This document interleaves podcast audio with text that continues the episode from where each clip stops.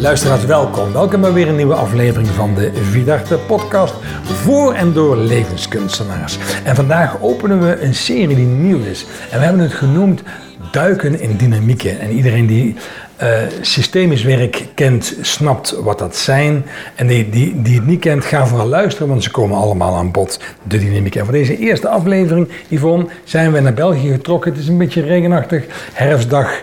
En we zijn op bezoek bij Philippe. Philippe, dankjewel dat we bij jou mochten komen. Graag, welkom. Fijn, dank je.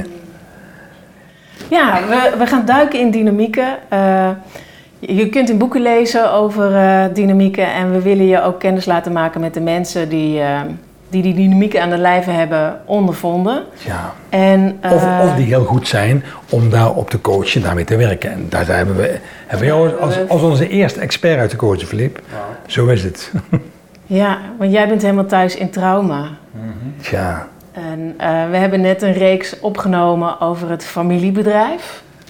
We hebben geëvalueerd met eh, Barbara Hoogboom. Zo van, nou, wat eh, is ons opgevallen aan die families? Eh, hoe werken die samen? En samen met haar hebben we daar wat, wat hoogtepunten uitgehaald. En met jou willen we eens duiken in ja, het trauma. hoe jij dat herkent. Hoe jij dat herkent in familiebedrijven. en, en bijvoorbeeld over het verschil tussen organisatietrauma en een familietrauma. En oh, hoe nou- heb jij nou gezien hoe in een familiebedrijf een, een trauma sluipt en, en andersom? Misschien, misschien is de eerste vraag, uh, wat zijn organisatietrauma's? Want dat is, is waar je, jouw boek stuk waar veel mensen over spreken en terecht over gaat. Mm Um, wat, er, wat er belangrijk is in, in elk antwoord dat ik formuleer in die context is dat we uh, samen bewust zijn van het feit dat dit een, een veld is dat nog in ontwikkeling is, waar we soms nog niet de juiste taal voor gevonden hebben, nog verwarrende concepten gebruiken enzovoort enzovoort. Het eerste dat ik altijd vertel als ik werk met mensen rond dit thema, uh, is het onderscheid maken tussen wat ik persoonlijk uh, individueel trauma, collectief trauma en systeemtrauma noem. Dat zijn voor mij drie verschillende dingen. Individueel trauma, collectief trauma, systeemtrauma. Ja, want ik, ik heb maandag gewerkt met een groep uh, organisatieontwikkelaars van een grote Nederlandse organisatie trouwens. En uh, ze hadden net het interview op de VPRO met Bessel van der Kolk gehoord, waarin hij zegt, waarin hij zegt ja, trauma, dat, kan, dat kan je alleen maar ontwerken via het lichaam. Mm -hmm. Maar dan gaat het over individueel trauma. Ja.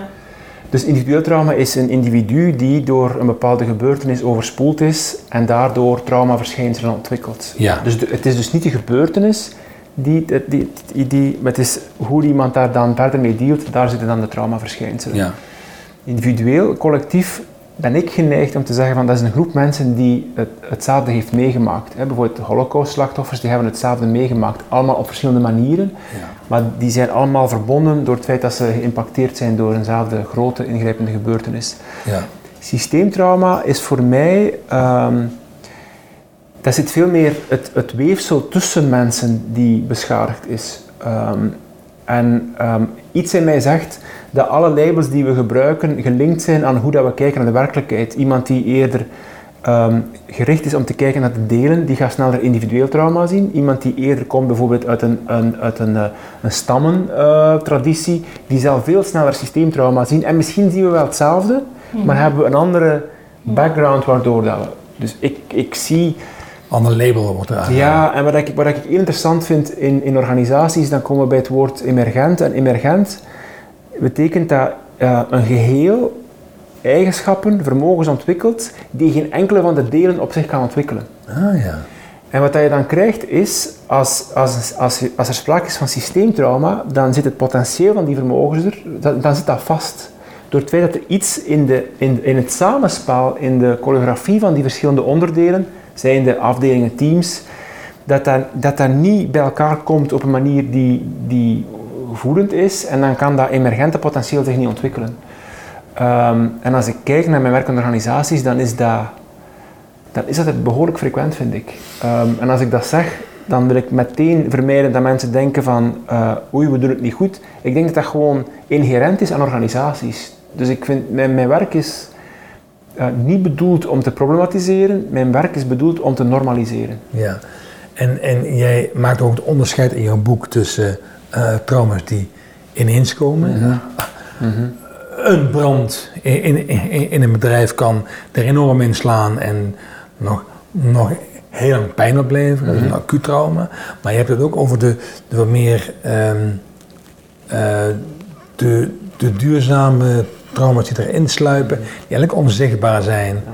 en die zich helemaal verankeren in, in de hele organisatie. Ja, Ehm, ja ehm, het ene is, is, is acuut, heel herkenbaar, netjes af te bakenen en er is een start en een einde.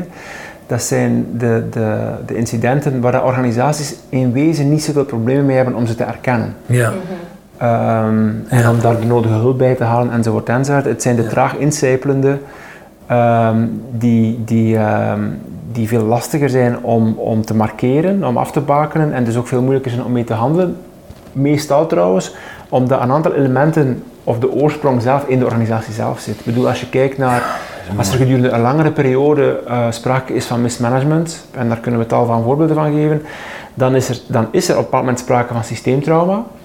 Het probleem is, de, de, de oorsprong zit in het systeem zelf. Dan is het niet onlogisch dat dat onder de mat blijft. Ja. Eh, want degene die, het zou, die de doos open doet, die loopt misschien wel het meest risico bij het opendoen van de doos. Dus dat zijn dan dingen die, die, die zo lang blijven aanslepen dat het in de vezels van het systeem kruipt en veel lastiger is om, eh, om, om, om aan te pakken, om te helen of, of wat voor woord je daar ook eh, eh, Ja. zou willen op plakken.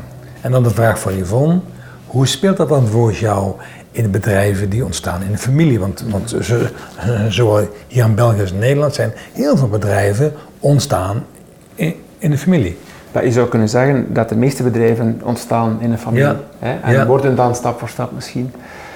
Ik vind dat, ik vind dat niet zo'n makkelijke vraag om te beantwoorden, omdat ehm, dat is echt iets case per case. Maar wat er in elk geval gebeurt, ehm, je zou bijna kunnen zeggen dat een familie en een organisatie of een familiebedrijf, dat dat soms communicerende vaten zijn. Dus wat je soms ziet is dat iets dat niet geregeld geraakt in de familie, zich probeert te regelen in het familiebedrijf.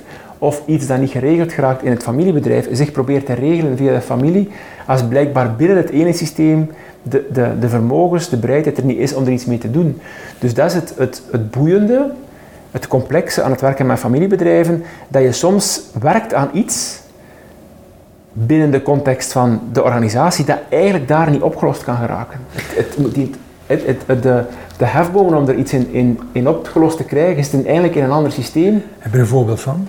Heb je een voorbeeld van? Goh, ik, ik, moet dan even, eh, ik moet dan even zoeken, hè, maar ehm, je, je zou bijvoorbeeld kunnen denken van ehm, twee zonen die, ehm, die dan in het familiebedrijf gaan werken. En eh, zoon 2 wordt CEO en zo, zoon 1 wordt dat niet, eh, omdat hij minder capaciteiten heeft. Ja. Ehm, Komt heel veel voor. uh, ja, dat komt, dat komt natuurlijk heel veel voor. Ja. Er kunnen bijvoorbeeld allerlei issues zijn binnen dat familiesysteem over erkenning gekregen hebben en weet ik nog allemaal. ja, En dat is bijvoorbeeld degene die denkt van ik heb te weinig gekregen in vergelijking met mijn broer ja. als zoon. Dan mocht je ervan uitgaan dat hij iets gaat doen in het familiebedrijf om zijn broer af en toe te saboteren. Dus daar wordt het uitgevochten. Ja, daar wordt het uitgevochten. En dat is, dat is nu een heel, een heel simpel voorbeeld. Ja. Maar het, het kan soms heel ja, verfijnd zijn. Of, want in dit geval is het vrij lineair, het is uit de familie van die generatie dat overspringt in, de, in, in het familiebedrijf. Soms zijn er dingen niet opgelost in eerdere generaties die terugkeren. Bijvoorbeeld, dat is geen rechtstreeks antwoord op, op jouw vraag, maar ik vind het wel een ongelooflijk mooi, mooi voorbeeld waar ik dacht van wauw, ik heb ooit gewerkt voor een familiebedrijf die, ehm, zich, die aan het overgaan was van de achtste naar de negende generatie. Wauw. Het eerste dat bij mij opkomt is, je zal maar de zoon zijn die, die acht generaties in jouw rug hebt. Hè? Maar dat lag even terzijde. Ehm, en ehm, op de- in de overgang was er een conflict tussen twee broers. Ja. Ehm, en ehm, ik was ingehuurd door een niet-familiale CEO die zei van, kunt je mij helpen? Want ik, ik bedoel, ik ben ingehuurd omdat er geen een van de twee nog CEO kan zijn omdat ze een ruzie maken met elkaar. Ja, ja. Dus ik word nu ingezet om dat bedrijf te leiden totdat ze eruit zijn met elkaar. ja. Maar wilt je mij helpen om die twee terug bij elkaar te brengen, om, dat, om ze te verzoenen, zodat ik verder kan? En ehm, ik heb niet lang, uh, niet lang met hen gewerkt, omdat ik eigenlijk heel snel zag van, dat raakt hier niet opgelost. En wat, wat voor mij de doorbraak was, is dat als ik keek naar het overleven, en dan komen we bij het systeem geweten, het, het overleven van, van die organisatie zat net in het feit dat elke overgang takken afgeknipt waren. Ah, dus, je, dus het, het, was nooit, het bedrijf was nooit gesplitst in twee takken. Het was iedere keer een tak afgesneden. Dus je zou kunnen zeggen, het systeem zorgde voor zijn voorbestaan door takken af te snijden. En op dat moment, in de overgang van 8 naar 9, zou er opnieuw een opsplitsing zijn. En dan, dan begint het systeemgeweten te zorgen voor het voorbestaan voor het bedrijf in dit geval. En die tak, en uiteindelijk, nog niet zo heel lang geleden, is er opnieuw één tak afgesneden. Dus uitsluiting, generaties ja, Maar, en dan, dan, maar dan, dan, dan, ik weet niet wat het juiste woord is, maar dan ontstaat er bij mij een soort nederigheid over wat je wel of niet kunt oplossen.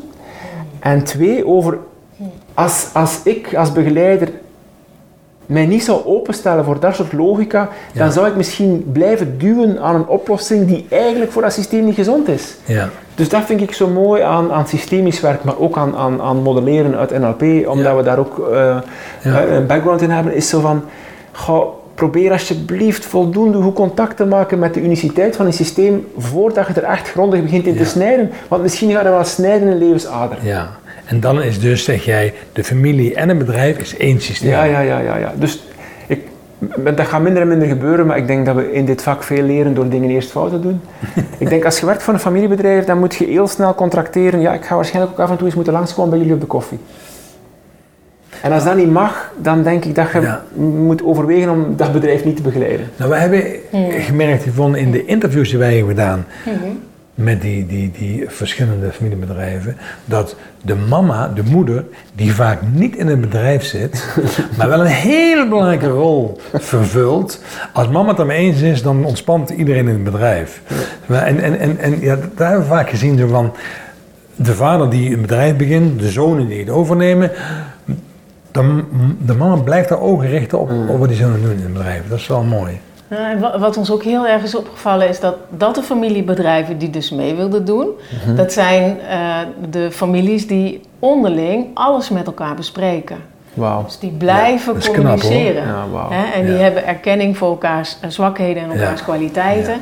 En dat mag er dan zijn. En ze blijven alles communiceren. Omdat ze ergens dus doorhebben, als we dat niet doen, dan uh, geeft dat dus botsing die niet gezond is voor de familie en niet voor het bedrijf. Maar dat is een van de, een van de, de trouwens er komt nog een voorbeeld binnen, maar dat is een van de, de boutades. Eh, en ik, ik vind het lastig om die te gebruiken, maar die komt al vaak terug in het werken met familiebedrijven. De grootste bedreiging voor een familiebedrijf is de familie. Ehm, en natuurlijk de grootste, de, de, grootste hulpbron voor een familiebedrijf is de familie, uh, maar, de, maar de grootste bedreiging voor een familiebedrijf is ook de familie. Want? Ehm, omdat je als, als, als, als in de familie op een bepaald moment een aantal dingen niet meer goed stromen, dan gaat dat meteen repercussie hebben op het, eh, op het bedrijf. Ja. Ik, om een voorbeeld te geven, nog een familiebedrijf waar ik voor gewerkt heb, waar je op een bepaald moment zo kon merken, ehm, ehm, ook uh, drie broers en een zus, veel gedoe over wie gaat nu het bedrijf leiden of niet en daar met elkaar niet uitgeraken. En je kon op een bepaald moment bijna voelen, eh, dat is in conflictfase, ik heb nog liever dat het bedrijf over kop gaat dan dat het naar jou gaat. Mhm. En als dat soort patroon binnencijpelt in, in de werkingen van een bedrijf, dan, dan, eh, dan ben je, ja, dan, dan zou je bijna kunnen zeggen, dan ben je machteloos. Ja. ja.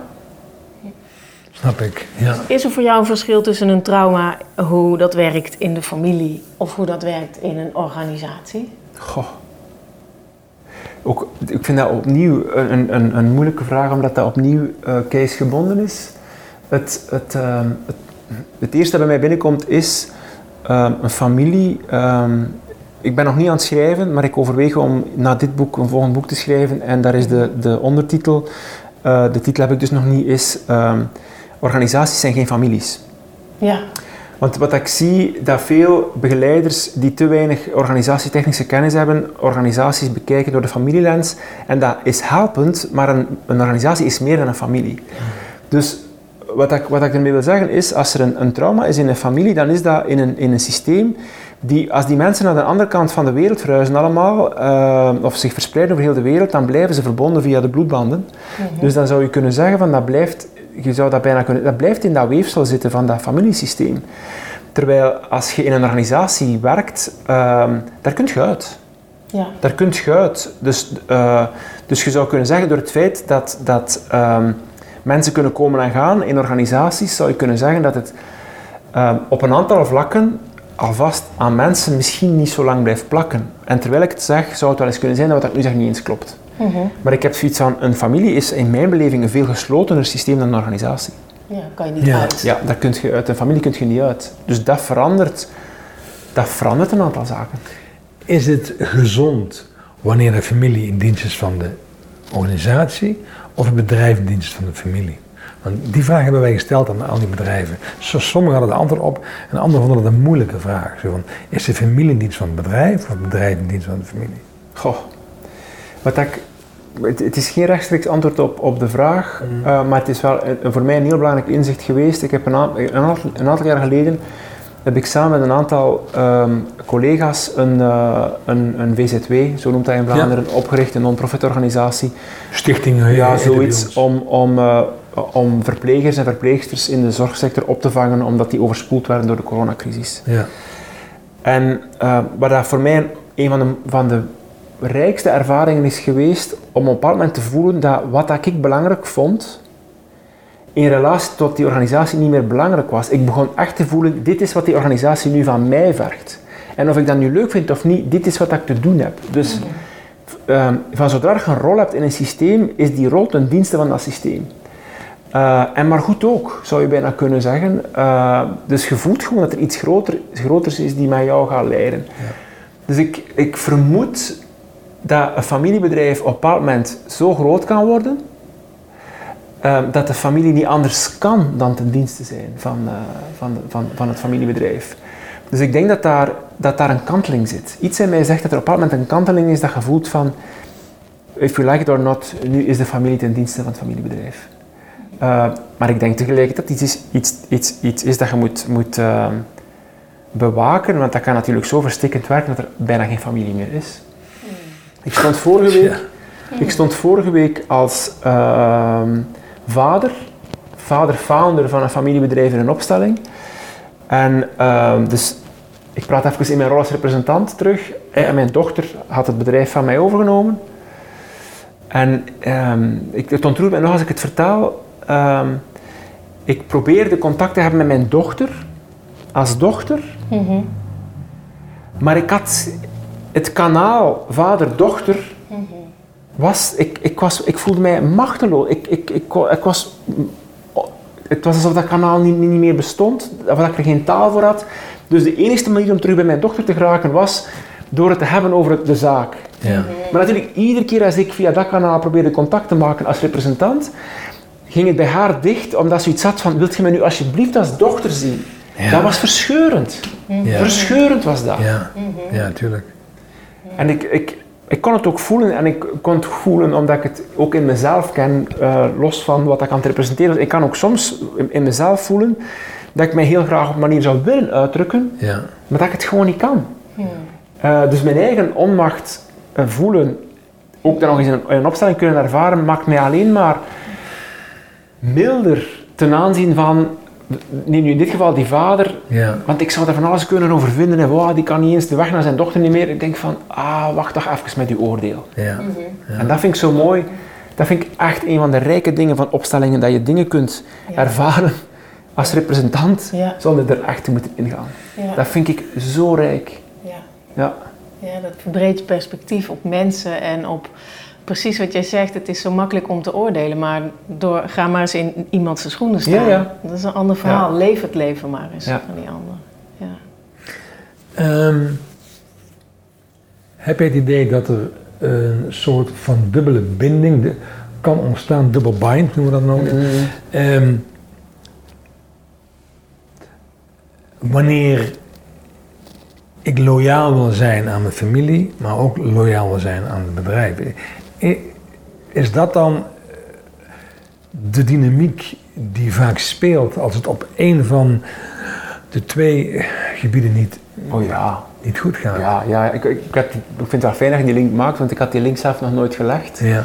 Eh, maar ik, ja, ik denk dat dat... ehm, ik zou bijna een onderzoeksobject kunnen zijn om te gaan kijken. Van, ik denk, als ik het goed doe voor de familie, doe ik het niet goed voor het bedrijf. Als ik het goed doe voor het bedrijf, doe ik het niet goed voor de familie. Dus ik denk dat, ehm, ik denk dat best wel wat, wat uitputting ontstaat door daar niet de juiste weg in te vinden. Want dat brengt Ja. mij echt bij...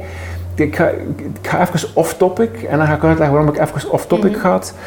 Ehm, hè, veel bedrijven zijn momenteel bezig met hybride werken. Ja. Ja. Ja. Ja. En dan bedenkt men allerlei oplossingen om dat hybride werken in, in, in Geburger te krijgen. Ja. En dan kom ik terug bij modelleren.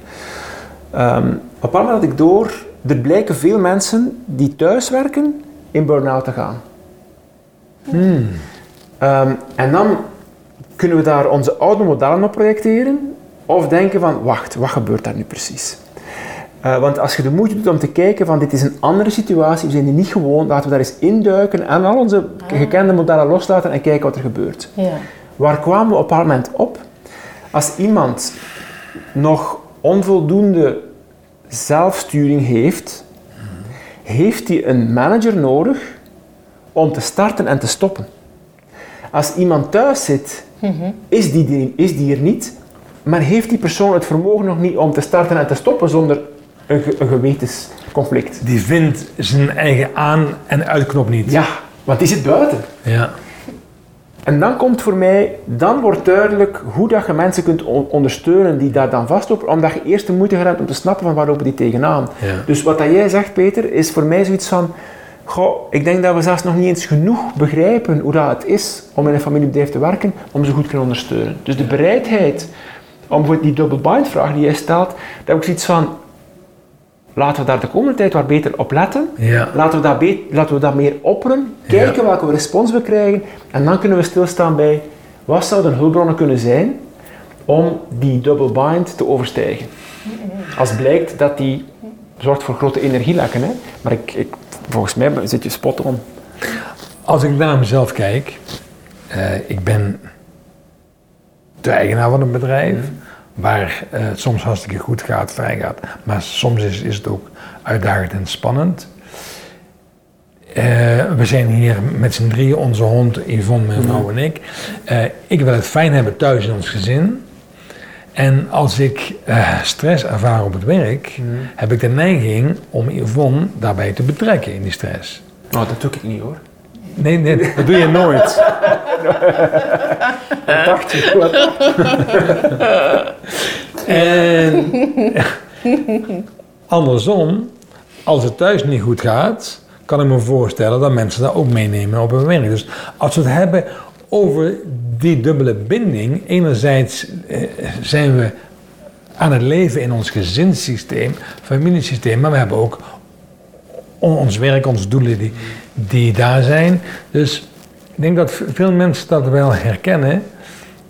Als je daar nou eh, systemisch naar kijkt, eh, heb je dan het idee, als het gaat over trauma wat kan ontstaan in, in een of welk systeem, dat het juist goed is om het mee te nemen naar de andere kant? Maar het gekke is, voor mij zit daar eh, een, een, eh, een interessant element in die... Ik hoor het niet zo vaak niet meer, maar ik heb het vroeger vaak gehoord, dat medewerkers aangesproken werden op kunt je je, kunt je, je privé niet thuis laten? Oh ja. Ja, En dan heb ik zoiets van, ja precies. wa- wacht, neem nu even tijd om stil te staan bij wat je gezegd hebt. Dat gaat toch niet? Dat gaat toch gewoon niet? Dus het, het, dat, stroomt allemaal door elkaar. Want wat er eigenlijk als je, en eh, daar moet je mee opletten denk ik, als je, als je systemisch werk doet.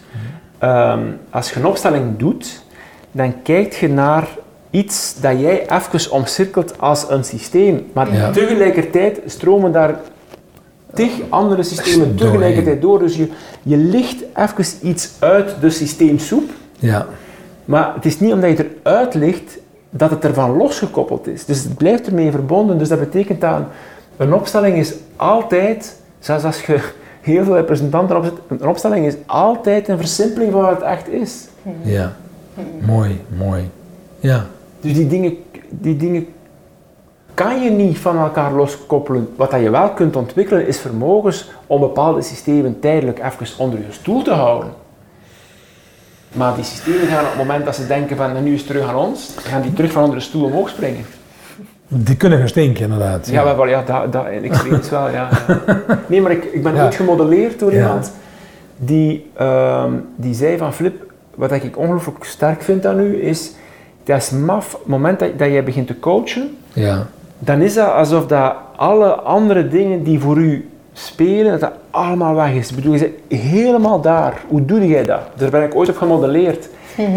En Is het gelukt? Ja, maar dat was mooi. Eh, dat vind ik zo mooi aan modelleren. Ja, ja, maar, ja. Dus wat deed ik? Het was alsof ik alle systemen die niet relevant waren aan mijn werk goed te kunnen doen, ik bundelde die samen en ik leg die onder mijn stoel. Dus je doet iets. Je doet iets, eh, maar, maar je kunt dat niet blijven doen. Dus je zou kunnen zeggen van, eh, ehm, doe dat dan thuis ook. Maar ja, er komt een punt dat de, de Ja. energie die je steekt, als coach bijvoorbeeld, om die systemen even daar te leggen, daar te, te zijn, dit vergt energie, hè? Die ja. daar houden, if, eh, if you like it or not. Ja. Dus op een bepaald moment is die energie er niet meer. Als je wat vermoeid geraakt, ja, dan, dan begint die terug, en maar goed ook, hè, eh, dan Ja. begint die terug aandacht te vergen. ja, ja. Dus dat heeft impact ook op die double bind. Het is juist goed, zeggen we dan systemisch, om eh, in te sluiten en om mee te nemen, waardoor ehm, bijvoorbeeld als er iets speelt in op het werk, dat het de familie dat mee kan ondersteunen, een, een hulpbron kan zijn voor. Maar daarmee kwam het terug, want je hebt net iets moois gezegd. Hè? Ja. En ik denk dat dat ehm, ehm, als begeleider van familiebedrijven, als je, eens dat je weet van zolang dat er heel veel transparantie is in de familie, Ja, ja, dan is de familie een hulpbron. ja. Toch? Nou ja, ik denk ook dat alleen maar de familiebedrijven hebben meegewerkt die juist dat als kwaliteit hebben. Want al die anderen die, eh, die doen niet mee. Veel te spannend. Veel te eng. Nee, maar dan weet je, wat ik, wat ik zo mooi vind, ik hou, ik hou heel erg van paradoxale interventies. Oh ja. Dus eh, dat, betekent, eh, dat betekent voor mij dat je, eh, als je een vraag krijgt, dat, dat je, op het moment dat je begint te interveneren, dat mensen denken van, "Huh, die is nog eenmaal niet aan het werken wat dat aan wat we gevraagd hebben. Mhm. Maar vaak zijn bij complexe vraagstukken zijn de paradoxale interventies vaak de meest krachtige. Dus als je op een bepaald moment merkt van, het gaat niet goed in dat bedrijf, maar die communiceren ook niet goed met elkaar in de familie, dat je zegt van, witte, laat het bedrijf even links liggen. We gaan, we gaan een tijdje met jullie op stap en jullie helpen om een aantal dingen met, met elkaar uit te spreken. Dan zou het wel eens kunnen dat dit proces... ja. In de familie. Ja, in de familie Ja, dingen voilà, gaan voilà, uitsteken. voilà, voilà. Och. En dan, hé, hey, zomaar gaat het, het bedrijfsprobleem lost zich En dan ik, op. ik ben ervan overtuigd Ja, als je werkt met complexe vraagstukken, dan is de, de rechtdoorweg volgens mij de minst De kunst is van via een zijroute eh, impact proberen te hebben op het systeem. En dan Volgens ga mij is je- dat veel effectiever. Misschien werk je dan in de, in de onderstroom van het bedrijf, zou je dat zo dan noemen? Omdat, als het, zeker als het gaat om een familiebedrijf, dus als je dan eerst werkt aan de familie en wat Ja. daar speelt, dan heb je een bepaalde onderstroom te pakken die in het bedrijf anders eh, eh, wel, ehm, zeg maar, faster is Engels, Ja. eh, iets doet Ja, eh, wat niet zo prettig is, ehm, maar wat niet gezien wordt. ja en, en ik, ga nu, ik ga nu Piet de Peu terug doen, hè. Eh, maar alleen al het feit dat je het woord eerst gebruikt, je gaat eerst werken. Nee, nee, nee, Nee. Ik ben hier aan het werken om daar te werken. Ja, ja. Dus het is niet eerst. het is niet eerst. Ik werk hier omdat ik weet dat wat er hier gebeurt verbonden is met dat. Dat met dat. Begrijp je het verschil? Ja, mooi. Ja, mooi dus- mooi dus- hoe, jij, eh, hoe je dat waarneemt. Zo, Ja. eh, want je noemt het dan Pieter Petrus, maar ik vind het, ehm, eh, hoe noem je dat? Heel bekwaam en ehm, eh, het grote plaatje en het uitzoomen spreekt heel erg uit, Ja. die, eh, uit die woorden. En dat, dat je circulair werkt. Mhm. Dus niet lineair stap 1, stap 2, maar we stappen ergens in en van daaruit gaan we aan het werk. Jawel, en dan, ehm, want als je zegt circulair, is dat, dat is mooi. ehm, als, ik, als ik rond trauma werk, en voor mij is dat mijn traumawerk is iets dat in mijn achterhoofd zit, dus ik wil dat niet op de voorgrond hebben. Dat zit bij mij in de achter. Dus mijn werk gaat dan over organisaties vooruit helpen. Ja. En als blijkt dat er iets vast in de geschiedenis, dan pas doe ik dat klepje open. Eh, maar iets wat op een moment voor mij duidelijk geworden is, is werken aan het systeemtrauma is werken in concentrische cirkels. Dus dat betekent, het trauma is hier, maar gegarandeerd zitten de hefbomen die je nodig hebt om te helen niet daar. Je, je, je moet dus verder gaan kijken. En er zijn een aantal, er zijn een aantal problemen in organisaties. Ik denk van, goh, weet je, die, die, de grote hefboom om dat herstel te krijgen zitten in hoe dat onze maatschappij georganiseerd is, hoe dat de wetgever een aantal dingen heeft geregeld. Eh, dat kunnen zien, die grotere cirkels kunnen zien, is ongelooflijk belangrijk om, om op een moment te kunnen zien dat iemand die als dader wordt gelabeld, of de boosdoener wordt gelabeld, wat dat dan soms een directie is, dat die eigenlijk ook in een groter systeem gevangen zit waar hij misschien wel slachtoffer is. Dus die shifts kunnen maken vind ik ongelooflijk belangrijk in mijn werk. En zeg nog eens, hoe noem jij die cirkels? Concentrische cirkels. Concentrische cirkels. En dan gaan je handen steeds meer verder uit elkaar. Even voor de luisteraars. Ja, ja, goed. Ehm, Waar, Wij mag ik nog heel even een vraag stellen? Ehm, als jij het hebt over, hè, ik kijk niet direct naar het trauma, maar ik kijk daaromheen. Hè, dus je werkt aan organisaties vooruit te helpen, dan blijkt er is een, eh, sprake van een trauma. Dan ga je daar niet direct op inzoomen, maar je gaat daar juist omheen kijken. En ehm, waar ik aan moet denken is het model van Frans Roepert, die het heeft over gezonde delen, getraumatiseerde delen, overlevingsdelen. Eh, klinkt voor mij of je dan eh, werkt aan de gezonde delen vergroten. Eh, sowieso. Sowieso. En trouwens, met dat je dat model neemt, ehm, ik kijk ook door die lens naar organisaties. Eh, ik, heb zo, ik volg een aantal organisaties in de media. Eh, ook om casuïstiek te verzamelen, om mensen te kunnen Mhm. trainen om hier rond te kunnen werken, omdat je niet altijd de kans krijgt om met een groep mensen in een bedrijf binnen te stappen Nee. en naar een trauma te kijken. Niet altijd. vaak, dat is soms maar het, het, het, het interessante is, als je, als je sommige organisaties gedurende langere tijd volgt, dat je letterlijk eh, eh, patronen kunt beginnen zien die je kunt plaatsen in die verschillende bakjes, zoals jij ze noemt, Ja. van Frans Rupert. Ja. Dat, je, dat je, ja, dit, dit, wat- dit, dit wat er nu gebeurt. Ja, er zijn bijvoorbeeld, want ik, ik, ga, ik ga geen namen noemen van organisaties, maar er zijn bijvoorbeeld organisaties waar je van merkt van, allee, om de zoveel tijd is er opnieuw een staking van eh, die beroepsgroep of die... Dat, het, het, bij sommigen is het bijna cyclisch. Ja, ja. ja. Maar als je dan begint te kijken naar, eh, en dat moet je niet altijd doen, maar als je dan begint te kijken, maar wacht, wat is de geschiedenis van die organisatie? Dat je dan soms denkt van, ah ja, oké, ja, ja, nu, ja, nu snap ik waarom dat, dat en dat speelt in die organisatie. Is de staking dan eh, het trauma, de overleving of gezond? Maar je, kunt, je zou kunnen zien, en dat is case per case eh, Ja. te bekijken, en Ja. ik wil ni- niks vragen in deze, maar als je merkt dat bepaalde, bepaald ongenoegen blijft de kop opsteken in een, organisatie, in een bepaalde organisatie, dan vind ik dat je niet anders kunt als professional om te kijken, zit hier geschiedenis op? Ja. Ehm, en dan zie je soms dat, dat eh, bijvoorbeeld bij overnames, heb je, soms, je hebt soms overnames waar dat een partij, of de overgenomene of de overnemer, want dat kan, zich eigenlijk benadeeld voelt. Oh ja. Als dat niet opgelost geraakt, dan gaat je merken dat dat systeem die zich benadeeld voelt, zich gaat blijven verbinden om iets recht te zetten. Dat, dat is zo obvious. Bijvoorbeeld als ik zeg, Als je het eenmaal ziet. Ja, Ja, ja, ja, dat is kruif. Hè. Eens dat je het weet, ga je het ja. overal zien. Hè. Ja, precies. maar als ik zeg, de, de benadeelde partij gaat zich als slachtoffer gedragen Mhm. of gaat juist dader worden om eruit te komen. Ja, wat dat- dus de, de, de, Een van de twee. want wat er gebeurt is, als een slachtoffer eh, eh, niet erkend wordt in eh, zijn slachtofferschap als individu of als groep, dan komt er een punt, en dat hebben veel slachtoffers niet door, dat die eigenlijk daders worden. Ja, Ja. ja herkenbaar. Ja. Ehm, en dan, dan, eh, dan ehm, blijven die puren uit hun eh, slachtofferschap om van alles te mogen, maar eigenlijk zouden die op moment teruggefloten moeten worden Ja. Ehm, en, en, en, en bijna, je zou bijna kunnen zeggen met de woorden, en nu is het genoeg. Ja. Ja, wat dat betreft denk ik, mogen we nog wel wat meer leren over wat is precies daderschap, wat is daderhouding, wat is slachtofferschap, wat is slachtofferhouding. Om mensen daar meer bewust op te maken. Van waar, waar zit ik eigenlijk? Waar, Ja. waar ben ik nou? Maar daar gaat ons gesprek nu niet over.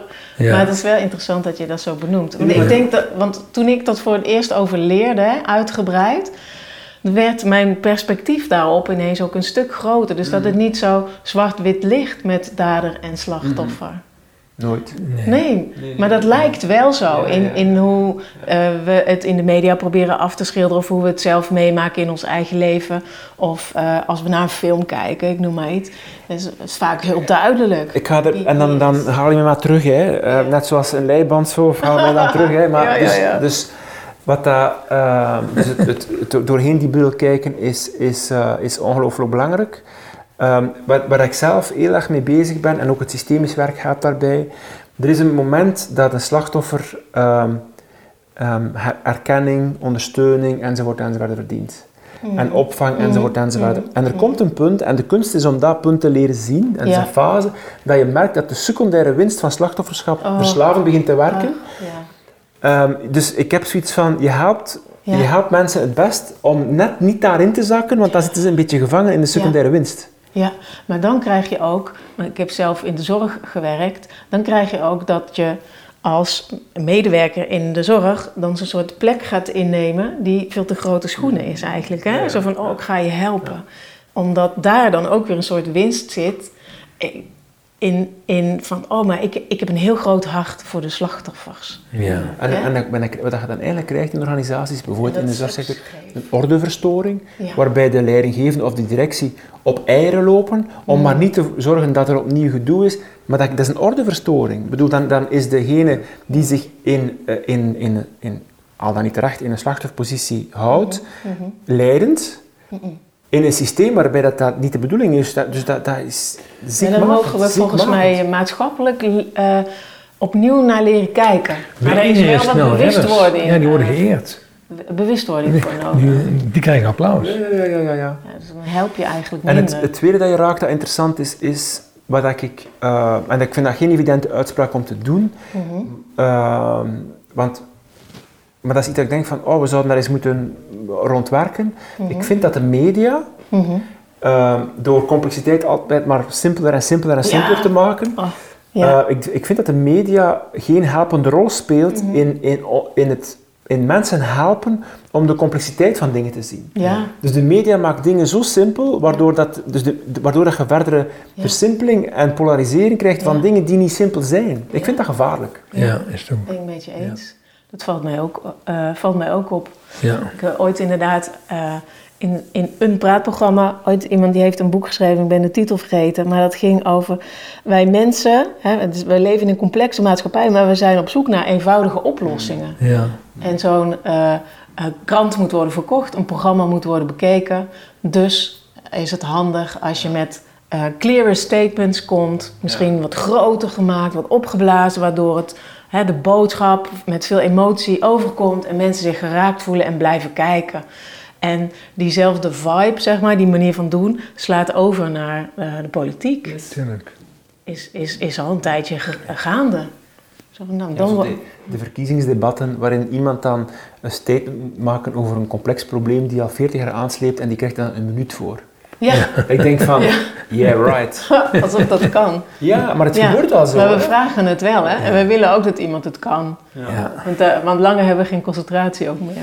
Wat, wat, wat steeds nog in mij, in mij leeft, is jouw opmerking.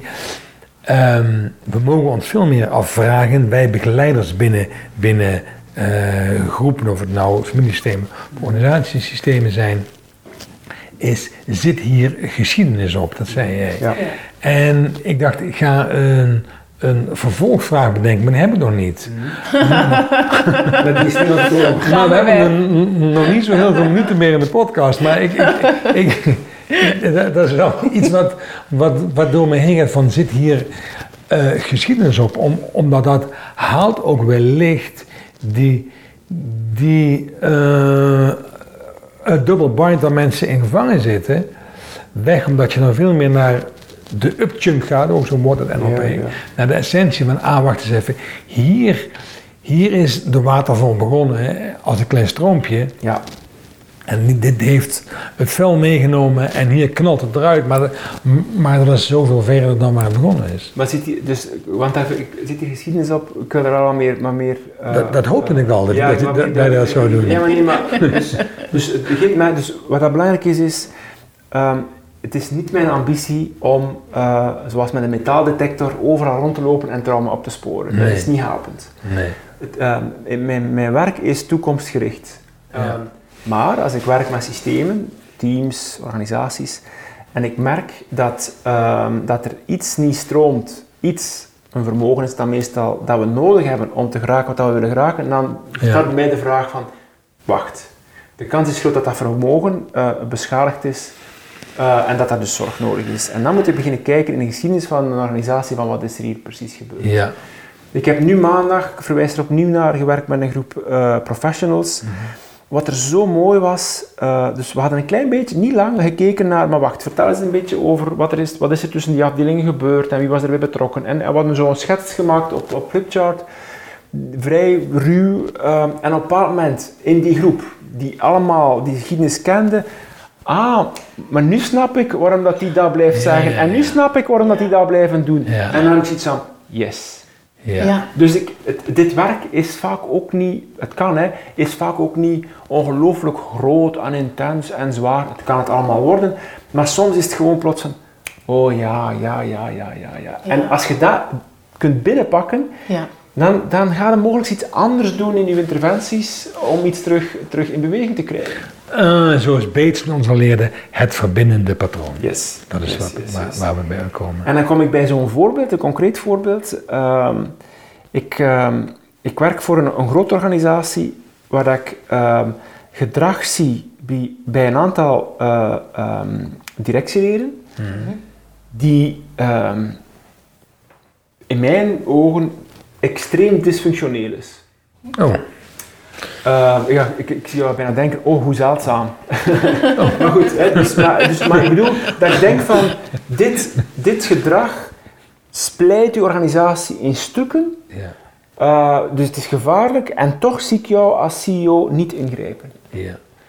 Ehm, en het, het is sowieso, de, CEO waar ik het gesprek dan mee voer, is sowieso iemand die, die niet makkelijk te bereiken is. Dus ik had geluk om, om even eh, ermee te praten. En in dat gesprek voel ik op een bepaald moment, nu moet ik mijn kans grijpen. En ik vraag de simpele vraag, heeft deze organisatie geschiedenis met conflicten? Of mijn vraag was, welke geschiedenis heeft deze organisatie met conflicten? ja. Van- vanuit de aanname dat het Ja, zo is. want ik voelde een, een, een onvermogen om in te grijpen. Ja. Waarop het in eerste instantie stil werd. ja.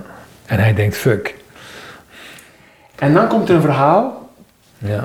en eh, die CEO vertelt mij, ja Filip, je moet weten, we hebben dit bedrijf eh, in de jaren tachtig eh, met twee opgericht. Ja. En op een bepaald moment heb ik mijn, mijn, mijn collega founder moeten laten gaan. Ik wil dat geen twee keer mee meer maken. Ja. Ja. En dan, dan heb ik zoiets van, ik ben zo blij Dat je dit zegt. dat ik bewust ben geworden van het feit Ja. dat je pagina's van organisaties niet zomaar kunt omdraaien. Nee. Ik bedoel, dat was zo obvious. Ja. Ehm, en ik, ik, allee, ik, ik zie die CEO binnenkort opnieuw. Het zou wel eens kunnen zijn dat gewoon die vraag, dat moment, terug een deurtje opent. Beslissend kan Ja, zijn. voilà, voilà, voilà. Waardoor het weer gaat stromen. Ja, ja, ja, ja, ja, ja, ja, ja. ja. Ja. En omdat het bij het individu weer gaat stromen, omdat eigenlijk dat was een trauma voor Ja. die persoon. Ja. Omdat het bij het individu weer gaat stromen, zou het zomaar binnen de organisatie weer kunnen gaan stromen. Ja, we weten nooit waar mensen aan vastzitten, waardoor er op een andere plek. Dat, dat, dat is ook zo, zo wat, wat, wat ik, ik. Ik ga regelmatig naar een osteopaat. Ik vind dat een fantastisch vak. en ehm, daar hij tegen mij zegt: de klachten uit jouw nek, die, zit, die beginnen in je nek. En gaat dan op, op een ander gebied bij mijn heup werken. En, eh, en hij heeft laatst met één slag tegen mijn linkerkaak, krak, he- heeft hij de, de, de last in mijn nek aangepakt. Zalig. Dus, dus ja, ja, eh, achteraf wel. Dan nee, maar, Beetje schokkend. Nee, nee, maar ik vind dat, ik heb een heel grote fascinatie voor acupunctuur. En ja, dat is gewoon, acupressuur, en dat ik denk van, wauw, hoe cool is Ja. dat? Maar dat is mooi voor de luisteraars, voor de, voor de mensen die dus die begint in systemisch werk, omdat wij hopen dat we daar de- deze Mm. inspiratie aan kunnen leveren. Dus Dus waar iets vast zit, is niet daar waar het aan de oppervlakte komt. En goed, dat van voor ons, dat, is, dat, is dat obvious? By the way, Maar nog een eh, keer komt het ik, boven. ehm, ik, ik heb don, eh, vrijdag en zaterdag, nog niet zondag, om- omdat ik eh, gekozen heb voor het verjaardagsfeest van mijn, mijn ma. Maar eh, Stefan, Stefan Hausner aan het werk gezien. Ja. Ik had die nog nooit aan het werk gezien. Oh ja. En ehm, super eh, om, om, om eh, zo iemand van die Ja. generatie aan het werk te zien. ja. Ik heb mij eh, de laatste vijf jaar verdiept in, eh in eh meridianenleer, in Chinese geneeskunde. Mhm. Eh, hij ook duidelijk, Ah, eh, ja. en waarschijnlijk al veel langer als mij. Maar ik heb zoiets van, als je familieopstellingen begeleidt, zorg dat je de meridianenleer kent. Mhm. Zeker als je wilt werken met, met, met, met symptomen en dat soort dingen. Ik bedoel, longen, Mhm. longen, verdriet, Ja. maag. Dus, dus Ja. ach, het, Ja. dat is, ik heb zoiets van, dat is geen ingeburgerde kennis in onze klassieke westerse geneeskunde. En dat is voor mij oké. Ehm, maar eens dat je die, die kent, dat is zo helpend in het systemisch werk. om, Integraal om, om ja. iets sneller... Want het is geen, dat is geen intuïtie, dat is kennis. Hè? Ja. ja. Dus zo helpend. Zo helpend. En dat, ah ja, als iemand daar klachten heeft, oké, ah, waarschijnlijk gaan we dan in die hoek moeten zoeken. Dat je moet open blijven denken, dat het toch iets anders Ja, ja. kan zijn, tuurlijk dat. Maar ik heb zoiets van, dus ik, hoeveel keer dat ik, eh, dat hij begon te bevragen en dat, dat, ik, ik zag hem zo, tik, tik, tik, tik, tik. Ik dacht, ah, ja, tuurlijk, daar gaan we uitkomen. Dat is Ja. toch zalig? Ja. Ja. dat je weet waar je bent. We zitten, zitten een beetje tegen het einde van, van de, deze aflevering. Super. Ehm Filip, wat is goede Belgische muziek? Wat is goede Belgische muziek? Ehm, eh, Want we weten dat we allebei enorm van De, muziek houden. le- de luisteraars even weten dat jullie iets, allebei iets hebben met muziek. luisteraars waar ik nu op tik eh, in, zijn klankkast van een mooie gitaar. Er hangen hier achter mij vier mooie gitaren. Ik, ik, ik, ik heb ook de neiging om er een te pakken, maar ik ben hier voor, de, voor het interview.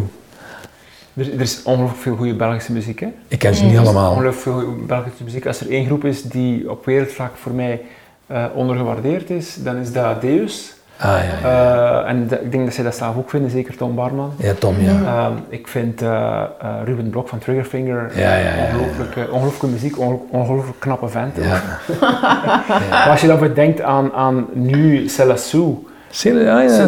Dat, dat, dat zijn mensen die... Zij doet het goed, hè, meisje. Ja, ja, ja. nee. eh, dat zijn mensen dat ik denk van, goh, mocht jij in, in, eh, in, eh, in Amerika geboren zijn, dan was jij een wereldster. Ik heb één, één liedje trouwens van haar in mijn boek 121 gevoelige snaren, luisteraars. Aanschaffen, hartstikke goed boek. He- he- he- he- heb ik opgenomen, stil zo. Ga, ga maar kijken. Want Zij, zij, zij, zij kan heel dichtbij Ja. bij, ja, bij haar eigen emoties schrijven. Ik, ehm, ik had ooit Willem Vermander, ik weet niet of je die kent. De naam, ja. Hè, eh, muziek die, omdat dat van mijn geboortestreek is, waar ik ook heel erg van hou. Ooit heeft iemand voor mij geregeld dat ik een gesprek had. met Ah, hem. ja. En eh, dat was, er, viel op dat moment, maar het was voor een optreden, er viel met die man niet te praten. Eh, maar achteraf vertelde iemand mij die hem heel goed kent, zei van, waarom denk je dat hij muziek maakt? Oh ja. Om expressie te kunnen Ja, geven aan omdat- dat wat omdat hij dat niet kan- in woorden kan uitdrukken. Omdat dat, dat, dat kanaal, dat kanaal is gewoon een beetje houterig toen, eh, op dat moment waarschijnlijk, want ik wil die man niet gelijk dat dat. Ja. Maar waarschijnlijk is dit de vorm langs waar dat zo iemand uitdrukt wat hij met woorden gewoon niet uitgedrukt krijgt. D- Dus luisteraars, ga meer naar Deus luisteren, naar, Celassou. naar En Triggerfinger. en Triggerfinger. en als je alleen bent, zet hem lekker hard. En als je niet alleen bent, zet hem een beetje zachter, want dan komen veel decibellen op je af. Heel fijn dat we hier bij, bij je mochten zijn, Filip, dankjewel. Dankjewel. En we gaan terug naar Den Bosch. Luisteraars, dit was weer een aflevering van de Verdachte Podcast voor de levenskunstenaars. En tot de volgende keer.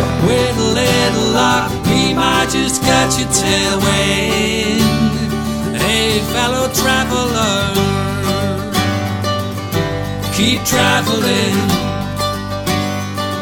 keep traveling.